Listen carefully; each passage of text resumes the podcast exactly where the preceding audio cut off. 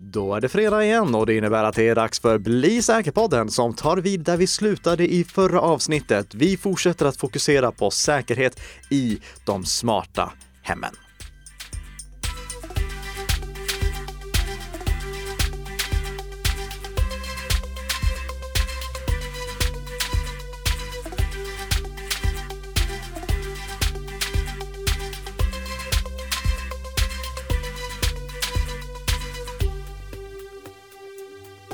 Ja, och då börjar jag med att säga god morgon, god morgon Marko Rajkovic. God morgon Sverige. Du är fortfarande inte Tess. Nej, men eh, Du eh, hoppar in här medan hon fortfarande är på semester och glassar på någon paradisö det ska hon, det har hon förtjänat. Ja, det, det tycker jag. Eh, och du är ju också representant för Bredband2 där du jobbar. Eh, och det fick vi reda på i förra avsnittet. Jag, Karin med Nicka, jobbar fortfarande på Nicka Systems. Där har ingenting förändrats. Och det är ju Bredband2 och Nicka Systems som tillsammans producerar den här podden. Eh, Vi måste som vanligt börja med veckans snabba nyheter och då tänker jag först på Facebook. Facebook, de eh, gjorde ju en eh, liten eh, bamsetabbe kan man säga när de råkade logga någonstans mellan 200 och 600 miljoners Facebook-användares lösenord i klartext så att medarbetare på Facebook kunde se lösenorden. Det låter väldigt slarvigt. Det låter väldigt slarvigt, men det här är en incident som vi har sett många gånger tidigare. Twitter gjorde samma sak för något år sedan. GitHub gjorde samma sak i fjol. Eh, så det här är ett problem att i loggböcker, alltså webbtjänsters loggböcker, så fastnar lösenord i klartext. Helt oacceptabelt, självfallet. Men vi måste vara medvetna om att det kan ske och det enda vi kan göra för att ändå hålla oss säkra, det är att aldrig någonsin återanvända samma lösenord på flera webbplatser och så fort någonting sånt här inträffar, byta lösenord på webbtjänsten som är drabbad. Har du bytt ditt Facebook-lösenord?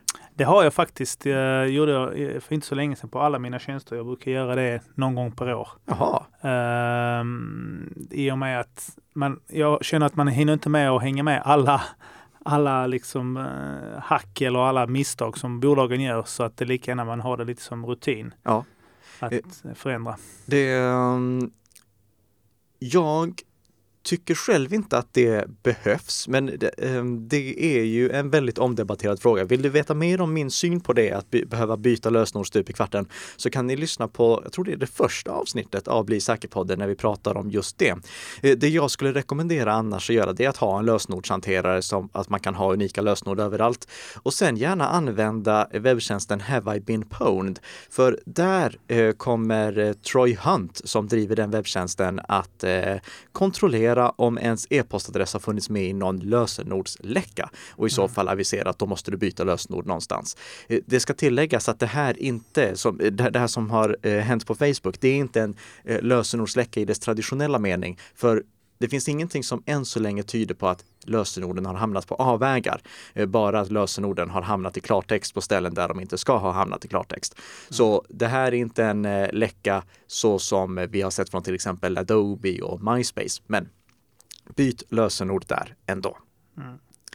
Eh, Det är inte bara Facebook som har haft en tuff vecka. Asus har haft en tuff vecka också. Har du sett den nyheten? Jajamän, Ja. hemskt. Jag har ju Asus hemma så det var lite därför jag märkte den. Jaha, aj då. Ja, det det är nämligen som så här att någon troligtvis statsunderstödd aktör eh, ville komma åt eh, Asus-datorer och specifika Asus-datorer. Och de lyckades på något sätt, vi vet inte detaljerna, detaljerna presenteras om två veckor, eh, men på något sätt lyckades de infiltrera Asus uppdateringsprocess så att de kunde infektera uppdateringarna som rullar ut automatiskt till Asus-datorer via Asus Live Update. Så alla som tog emot, eh, eh, alla Asus-datorägare som tog emot uppdateringar, de fick en liten otrevlig sak på sin dator som i sig inte var farlig. Den här eh, infekterade Asus-uppdateringen, den kontrollerade bara ifall datorn var en av 600 utvalda datorer. Och om den var det, då infekterades datorn på riktigt. Och det här gjordes för att, alltså anledningen till att de troligtvis inte infekterade alla datorer de kunde komma över, det var att de ville inte bli upptäckta och om man infekterar massa datorer då blir man upptäckt.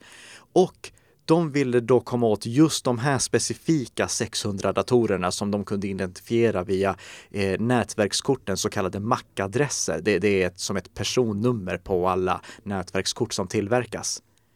Så troligtvis har det varit någon statsunderstödd makt som har lyckats infiltrera Asus och på så sätt få det här eh, lilla eh, infekterade uppdateringsprogrammet utrullar till alla datorer från Asus, eller troligtvis alla datorer från Asus.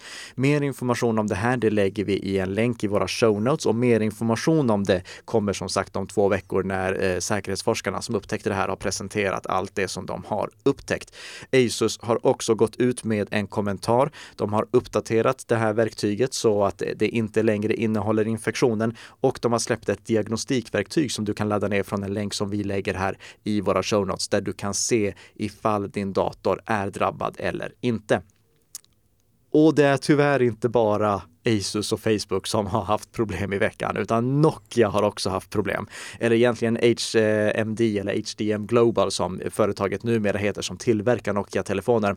Deras Nokia eh, 7 Plus-telefon upptäcktes ha en applikation på sig som rapporterade eh, telefonens position till en server i Kina.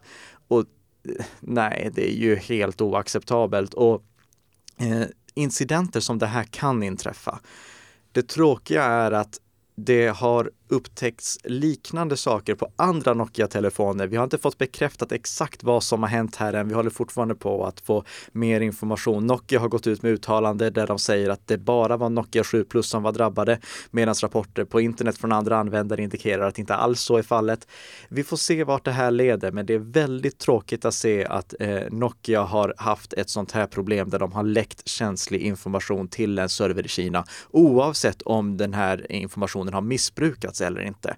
Och anledningen tycker jag, till att jag tycker det är så tråkigt, det är framförallt för att jag hade jättestora hopp om nya Nokia. Deras nya telefoner var attraktivt prissatta. De fick säkerhetsuppdateringar enligt det som krävs för att en mobiltelefon ska få vara med i, Nokia, i Googles eh, eh Android Enterprise Recommended-program. Så det var väldigt, väldigt lovande mobiltelefoner. Jag hoppas att Nokia nu tar och styr upp det här, för de skulle kunna göra en fantastiskt bra comeback, men just nu så är deras rykte skadeskjutet av det som har inträffat. Och avslutningsvis en sista uppmaning också bland de här små nyheterna och det är att om du har Putty på din dator, Putty är ett sånt här klassiskt program som väldigt många installerar, i alla fall bland datornördar när man vill kunna fjärradministrera saker. Där har det upptäckt säkerhetsbrister. Se till att uppdatera det, precis som vi för några eh, veckor sedan uppmanade alla att uppdatera Windrar. Windrar är ännu mer, mer viktigt att uppdatera om du inte har gjort det än. Har du Windrar eller Putty på din dator, se till att de kör den senaste versionen. Då så, låt oss gå vidare med veckans huvudämne. I förra avsnittet, då hade vi konstaterat att vi bör använda standardiserade kommunikationssätt som till exempel eh, Zigbee och Z-Wave för att kommunicera. Men det är ju inte allting som kan använda Zigbee och Z-Wave. Det är, vissa saker måste vi koppla upp direkt mot internet med de riskerna som det medför. Har du några saker, eh, som är uppkopplade mot internet direkt? Ja, jag skulle vilja säga att eh, jag har ju utöver de här eh, kamerorna som jag har via Verisure så har jag ju egna via Netgears Arlo. Mm. Eh, det utbudet och då är de här kamerorna kopplade till en enhet som då är kopplat mot internet. Ja. Och det, det, har du då för att du ska kunna övervaka allting på, på distans? Ja, alltså det via larmet så kan, har du ju kameran men du kan inte se vad de ser. Det ser ju bara larmcentralen. Mm. Eller det ser ju Verisure i detta fallet. Och eh, jag vill ju också kunna prata via kamerorna och se själv eh, ibland. Ja. När liksom barnen kommer hem och så kunna se att det är dem. mm, såklart. Uh, har du funderat på vilka risker som finns med att ha egna kameror uppkopplade? Uh, marginellt funderat. Eh, det är lite så här, jag tror många tänker som jag, att när det är lite större bolag, lite mer um, alltså trygghetsfaktor är ju såklart, en, man ska känna det när man köper en produkt och jag kände ju och efter jag har läst om de här kamerorna som jag köpte då så kände jag mig trygg och, mm. att de har koll på det. Jag ska slippa tänka på det. Så ja. kände jag. Eh, och än så länge så ser allting väldigt bra ut för Netgeralo får jag säga. Eh, men det gör det tyvärr inte för alla nätverkskameror. Eh, nätverkskameror har blivit ett av de eh, absolut mest populära, en av de absolut mest populära produkterna att attackera av så kallade botnät. Botnät är sammanslutningar av infekterade uppkopplade enheter som används för att utföra överbelastningsattacker. Och nätverkskameror som inte får säkerhetsuppdateringar och är direkt exponerade mot internet, de är riktiga guldkorn för sådana här botnät internet att ta över och så använda deras kapacitet för att slå ut webbsidor på begäran. Netgear Alo har du ju lyckligtvis inte fullt exponerad mot internet för du har inte öppnat någon port i din router för att göra den åtkomlig va? Nej, nej, det nej. behövs inte för att tjänsten ska fungera. Eh, och, och, det är för att NetGyralo, där ansluter eh, basstationen som kamerorna är kopplade till ut till en molntjänst på nätet. Du yes. behöver inte ansluta in till den. Exakt så. Och här kommer en varning som jag verkligen vill att ni ska ta med er.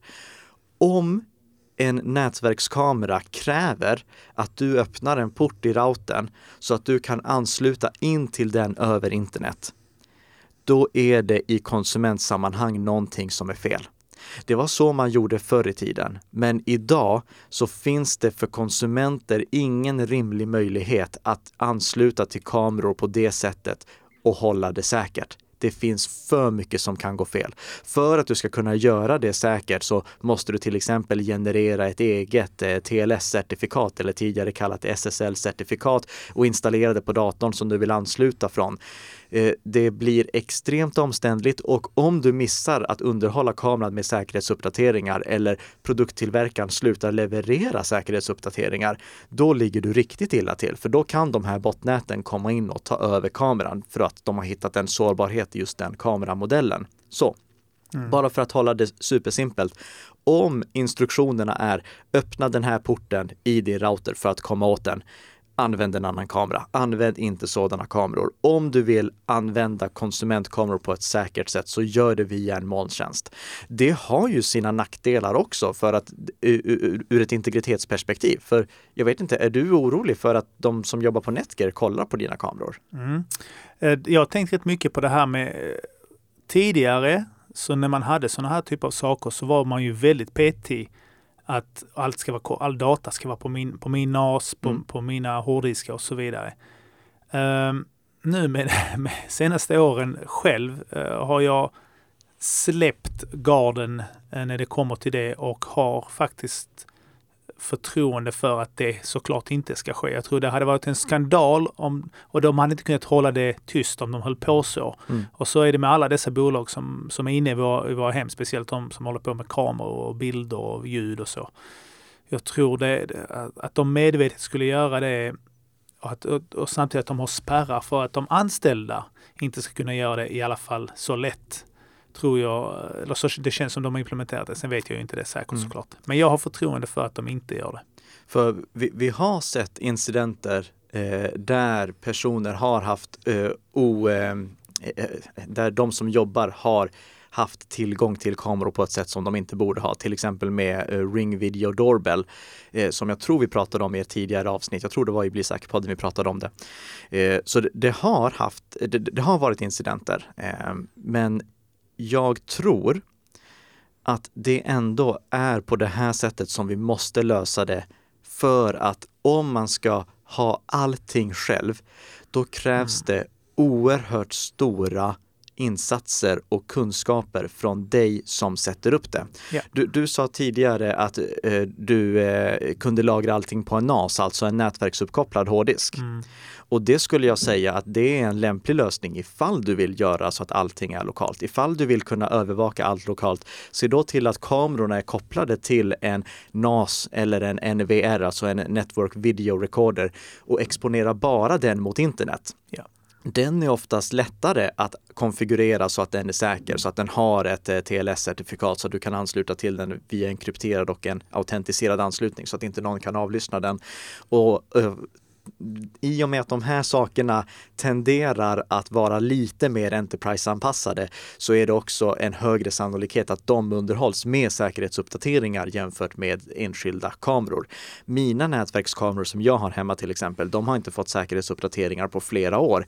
Men det gör ingenting för jag har inte dem eh, ut, uh, exponerade mot internet, utan de är bara lokalt anslutna till min Network Video Recorder som jag i sin tur exponerar ut mot internet. Och den har fått alla säkerhetsuppdateringar som den behöver. Jag tror, jag tror det handlar lite om också, alltså när man väljer att köpa sådana här produkter så känner jag att jag vill inte köpa det av märken eller bolag som jag inte känner tar detta på allvar. Nej. Det och, finns ju jättemycket i Kina så du kan ju köpa hur mycket som helst via Alibaba och alla de här sajterna. Mm. Liksom. Och, och det, där sätter du ju verkligen huvudet på spiken att uh, om du inte litar på företaget så ska du inte handla någonting ja. därifrån. Så ja, det, det, det är bra poängterat. Eh, jag, jag tror dock det, det, är inte så att alla resonerar så. Jag känner flera som bara är ute och jagar pris. Mm. Och då blir det ju att man, man vill ha det men man bara jagar pris och då blir det liksom en lösning som från ett märke som man aldrig har talat om. Som jag, jag antar det är helt andra säkerhetsnivåer i dessa bolag jämfört med de lite större seriösa. Ja. Eh, men där har vi i alla fall en rekommendation som ni tar med er och, och det här gäller alltså konsumentkameror. Det, när det gäller Enterprise-kameror så är produkttillverkarna betydligt bättre på att underhålla dem med säkerhetsuppdateringar och eh, då finns det också eh, en hel nätverksadministrationsavdelning som kan konfigurera dem på ett säkert sätt. Så mm. det här jag säger med att man inte ska direkt exponera kameror, det gäller konsumentkameror och den konsumentkunskap som är allmänt giltig just nu. Men sen så har vi ju också eh, fler saker som du har kopplat upp mot internet. Mm. Jag har ju min elleverantör har jag uh, via appen då, det är ett bolag som heter Tibor som är en liten startup som jobbar med uh, lite sån här AI-el som de kallar det. Så du har en app och då kan du bland annat då styra din uh, värmepump. Mm. Och den här värmepumpen är då kopplad mot en dosa som är då kopplat mot nätet mot den här tjänsten. Och den gör ju i praktiken, om vi nu skulle säga att den skulle bli hackad, så kan ju du ja, stänga av värmen hemma ja. eller ändra temperaturen så att säga. Och, och, har du öppnat någon port i routern för att kunna komma åt den? Nej. Nej bra, det också. jag kan bara säga anledningen till att jag tjafsar om det här med att öppna portar, det är att eh, det finns en sökmotor som heter Showdown och den indexerar alla sådana här uppkopplade smarta hemprodukter. Så den som vill prova att ta över någonting kan bara söka efter en viss specifik typ på eh, eh viss produkttyp på Showdown och få upp en lista med alla uppkopplade och internetexponerade sådana och sen kolla ifall det finns någon sårbarhet i dem så att de kan, ja, till exempel ändra temperaturen eller liknande. Det är sådana incidenter som vi brukar se. Nu senast så var det, jag tror det var ICAs kylsystem som låg publikt eh, på internet och vem som helst kunde gå in och mm. ändra. Eh, eller några specifika ICA-handlares kylsystem ska jag säga, för det var inte ICA på koncernbasis som hade det problemet. Men eh, alla de problemen minimerar du ifall du inte exponerar dina produkter mot internet genom att öppna portar i routern. Däremot så måste du självfallet komma ihåg att hålla själva routern uppdaterad, för den är ju alltid ut, eh, exponerad mot internet. Den måste alltid få säkerhetsuppdateringar. Men om du i alla fall inte exponerar dina smarta hemprodukter utan bara låter dem kommunicera via en molntjänst så har du i alla fall en liten säkerhetsmässig fördel där. Men det finns nackdelar med det också. Det finns för och nackdelar med allt. Och jag tänker till exempel på vad gör du ifall din internetuppkoppling går ner? Kan du ändra temperaturen då? Ja, jag, jag har ju såklart fördelen att jag kan göra det manuellt också. Mm. Så i värsta fall så finns det ju en, en, en lösning. Men det kommer ju, eh, det har, nu har det aldrig hänt. nu jobbar jag med internet så jag har ju lite backuper. Men, eh, men eh, Frågan är om det, hade, om det först hade blivit lite kallt innan man hade märkt att mm. uh, någonting är fel här. Jag får nu ändra det till manuellt läge så att säga. För det är också en av anledningarna till att jag föredrar smarta hemsaker där så mycket som möjligt kommunicerar lokalt i nätverket istället för över internet. För jag vill ju inte att någonting ska sluta fungera helt och hållet bara för att min internetuppkoppling ligger nere. Nu har jag ju precis som du också en backup internetuppkoppling. Men jag kan ju säga, vi är verkligen inte i majoritet, vi som har backup internetuppkopplingar. Nej, nej. Eh, och om man bygger ett smart hem, då måste man tänka på vad händer ifall internet skulle ligga nere? Eh, vad gör jag i så fall? V vad är det som slutar fungera? Och anledningen till att jag vill poängtera det, det är att många tänker att ja, men jag kan ta till en sån här simpel lösning för att få två olika system till att prata med varandra som heter IFTTT. Använder du IFTTT? Ja, jag gör det för lite, lite extremt nördiga saker som att om ISS flyger ovanför Malmö så ska mina lampor blinka. och sen är det kopplat till mina kameror. Om det sker aktivitet på kamerorna så ska lamporna agera på ett visst sätt. Ja. Lite sådana grejer. Uh, och IFTTT är jättepraktiskt för att den tjänsten, if this then that, gör att vem som helst lätt kan få olika smarta hemprodukter att kommunicera och interagera med varandra. Så att en smart hemprodukt kan trigga en annan smart hemprodukt. Men allt det bygger på att du har uppkoppling till den här IFTTT-tjänsten. Absolut. Ja. Och det ska du framförallt tänka på i övervakningssammanhang. Eh, för eh, låt oss säga att du vill få en lampa att tändas ifall du har ett misstänkt pågående inbrott. Då vill du inte att det ska förlita sig på att du har en internetuppkoppling. Mm. För då mm. kan ju skurken bara bryta internetuppkopplingen innan han eller hon bryter sig in i huset. Mm. Det har ju pratats så mycket kring just det här med larm, att de klipper både larm och internet när de ska in i ett, i ett hus. Mm. Och då blir det svårt. Ja. Eh, och här är det ju en vanlig riskbedömning man får göra, hur pass utsatt man är för att en eh, liksom, eh, avancerad inbrottsliga verkligen vill bryta sig in hos dig. Det kan ju hända att, alltså, normal inbrottstjuven är troligtvis inte den som både ser till att störa ut all eh, GSM och 3G och 4G-kommunikation och klipper internetkablarna och eh, slår av strömmen. Eh, men om man är i riskzonen för det, då ska man ju definitivt väga in det och se till så att man har flera alternativa kommunikationssätt. Mm. Eh, men en annan sak som du också säkert har funderat på, vad gör du om strömmen går? Ja, det, det har jag funderat på. Ehm, och eh, då blir det inte så mycket kring, eh, kring internet och övervakning alls, utan då fokuserar jag mest på de här nöd basutbudet, att, liksom att man har värme hemma mm. i form av uh, filtar och så och sen mat såklart och då har jag faktiskt en gasolgrill som jag har faktiskt uh, tänkt uh, om det värsta händer så har vi den för att laga mat. Ja. Nej, men, koka vatten och så. Jag, jag tänkte framförallt för ditt smarta hem. Vad, vad gör du där? Vad, vad, fortsätter att funka i ditt smarta hem? Alltså det, det är ju ingenting så länge. Jag, jag har ju ingen uh, UPS eller något sånt som uh, som drar igång eller utan det, är, mm. det slutar funka bra. Ja. Eller du, du eh, ja, nu, nu, nu börjar jag tänka för du, du, Arlo-kamerorna har ju batterier i sig. Ja, det har de. Så de fortsätter ju funka, men ja. Om inte routern har batteribackup, ja, då precis. fyller det inte så stor funktion.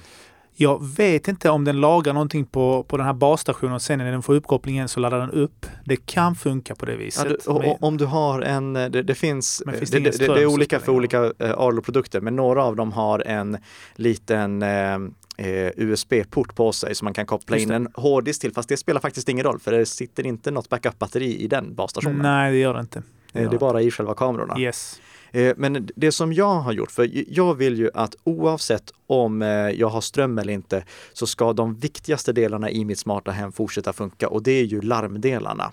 Mm. Så jag har köpt en UPS, det, eh, det är egentligen ett, ett stort batteri, Uninterruptible Power Supply.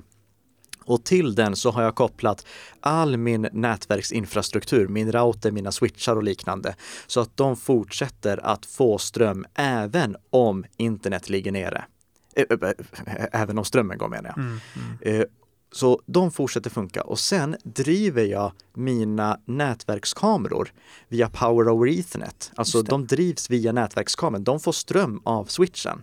Mm. Och på det här sättet kan jag strömsäkra allting. Det spelar ingen roll om strömmen går. Jag fortsätter ändå kunna övervaka allting och få notiser ifall eh, någonting eh, blir fel, ifall eh, det visar sig vara ett pågående inbrott eller en pågående brand. All, allt det fortsätter jag få notiser kring. Och det gör jag även om internet ligger nere i och med att jag har två stycken olika sätt som jag kan koppla upp mig mot internet. Både en fast bredbandsuppkoppling och en mobil bredbandsuppkoppling. Mm. Men det ska ju tilläggas att det här är eh, eh, kanske lite extremt eh, för normalsituationen. Anledningen till att jag ändå vill lyfta det, det är att många väljer ju idag att använda uteslutande smarta hemlösningar istället för eh, larmsystem. Och som jag berättade i förra avsnittet så har jag inget larmsystem hemma. Jag förlitar mig helt och hållet på mitt eh, mitt smarta hem, till skillnad från dig Marco som ja. också har ett larmsystem. Det. Och det är av den anledningen som jag har byggt det så att det både är strömsäkrat och internetsäkrat. Så om det skulle bli något problem med ström eller med internet, då ska ändå hela mitt smarta hem fortsätta att fungera. Jag tror, jag tror det är det är alla får ställa sig själv frågan hur, vilken nivå jag vill hålla det på. Mm. Alltså det, vill du verkligen, eh, är det, är det här viktigt för dig, då ska du göra så som du har gjort. Det är liksom inget snack om saken. Så det, man ska bara vara medveten att det finns eh, hinder om eh, internet dör, om elen dör. Vad händer då? Ja. Och hur viktigt är det att något ska hända då? Ja, precis. Precis. Eh, och med det sagt så eh, tackar jag så mycket för att du har hoppat in för Tess här yeah. medan hon har varit borta. Tess är tillbaka nästa vecka och då är vi också tillbaka med veckans lyssnarfråga såklart. Så får, ni får jättegärna fortsätta att skicka in lyssnarfrågor via Nika Systems och Bredbands två sociala medier. Och det är väl värt att göra det för att den frågan som vi tar upp som veckans lyssnarfråga, den får avsändaren en Bli säker-bok som tack för hjälpen. Prenumerera jättegärna också på den här podden i valfri poddspelare så att du inte missar nästa avsnitt. För vi hörs ju igen nästa, ti- äh, nästa tisdag. nästa fredag såklart. Eh, nästa fredag morgon, då är vi tillbaka på återhörande då. Tack, tack.